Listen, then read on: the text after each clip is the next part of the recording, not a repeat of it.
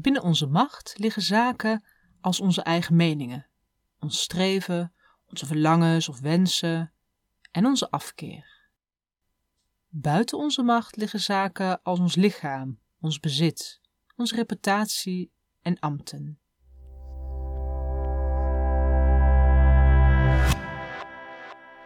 Over psychologie. Hallo, ik ben Mirella Brok, relatietherapeut en schrijfster. En je luistert naar mijn artikel Ongewenst single. Domme pech? Van overpsychologie.nl Ongewenst, langdurig single zijn. Is dat domme pech? Of heb je invloed op jouw relatiestatus? Ligt het krijgen van een leuke liefdesrelatie binnen of buiten je macht? Het kan fijn zijn om te denken dat je invloed hebt op de liefde, dat je controle hebt. Dan kun je er iets aan doen als je ontevreden bent over je liefdesleven. En als je dan hard genoeg je best doet, dan komt het goed. Maar volgens die logica is het dan ook jouw schuld als het niet lukt. Misschien is het dus ook wel fijn om te weten dat je er niks of, of weinig aan kan doen. Laten we dat eens gaan uitzoeken. Ben je ongewenst single? Dan heb je je vast wel eens afgevraagd: ligt het nou aan mij of heb ik gewoon pech? Sommige singles denken door en komen uit op vragen zoals: waarom trek ik toch steeds dat verkeerde type aan? Of waarom kan ik niet vlichten? Of heb ik bindingsangst? Of hebben de mensen die ik date bindingsangst? Over bindings, verslavingsangst, persoonlijkheidsstoornissen en liefdesverslavingen zijn boeken volgeschreven. En als relatietherapeut hoor ik veel singles zich afvragen of zij soms in een van die vakjes vallen. Op mijn beurt vraag ik dan of deze singles hun situatie eerst zelfstandig hebben bekeken, of dat ze zo snel mogelijk de theorieën van goed gemarketeerde psychologen op zichzelf plakken. Hm, spreek het over goed gemarketeerde psychologen. De welbekende Phil, Dr. Phil, die schrijft in een van zijn boeken dat een medewerker van hem, van de Dr. Phil Show, veel tijd besteedt aan werk, nog veel meer dan aan haar liefdesleven. En hij adviseert haar om meer tijd te besteden aan wat ze belangrijk vindt. Er zijn meerdere psychologen, zoals Dr. Phil, die claimen dat wat aandacht krijgt, groeit. En dat mensen dus alles kunnen leren. Ook op het gebied van de liefde. Zo schreef Eric Fromm: De meeste mensen stellen zich voor alles de vraag hoe zij erin zullen slagen bemind te worden, in plaats van dat zij zich afvragen hoe zij het vermogen tot liefhebben zullen verwerven.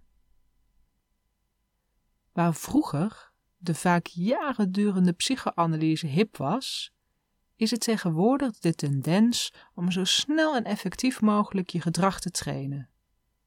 Je zou bijna het idee krijgen dat je een probleem hebt als het jou niet lukt om je gedrag te veranderen. Dat je raar zou zijn of dat je schuld of falen treft. Of je krijgt de diagnose van een persoonlijkheidsstoornis.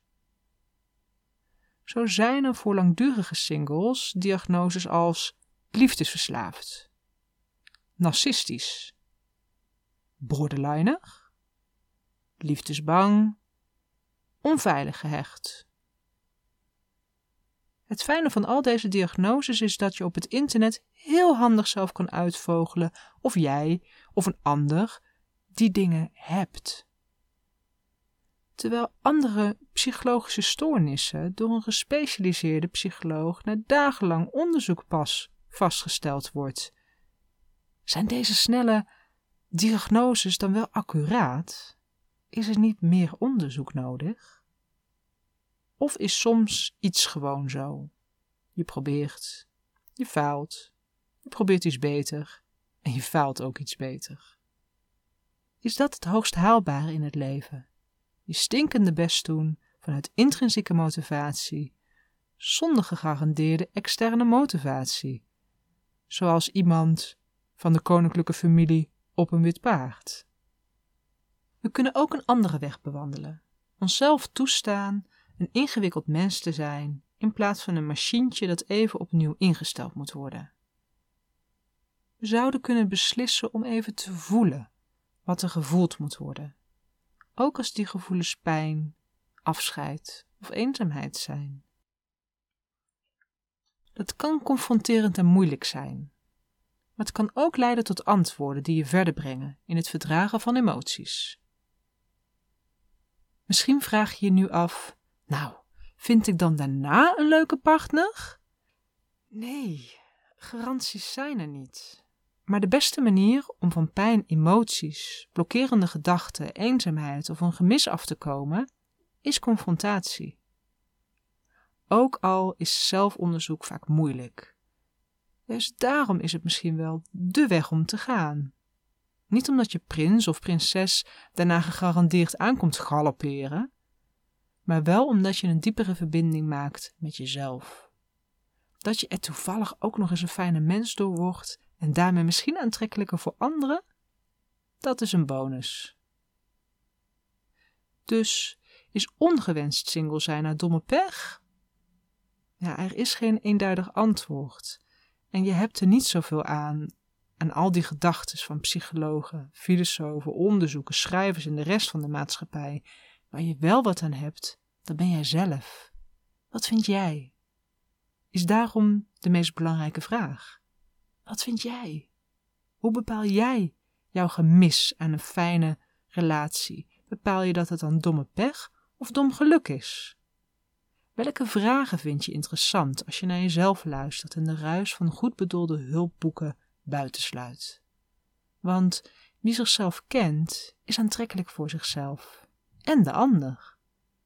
Nou ja, tenminste, dat kwam uit mijn zelfonderzoek. En dat vind ik.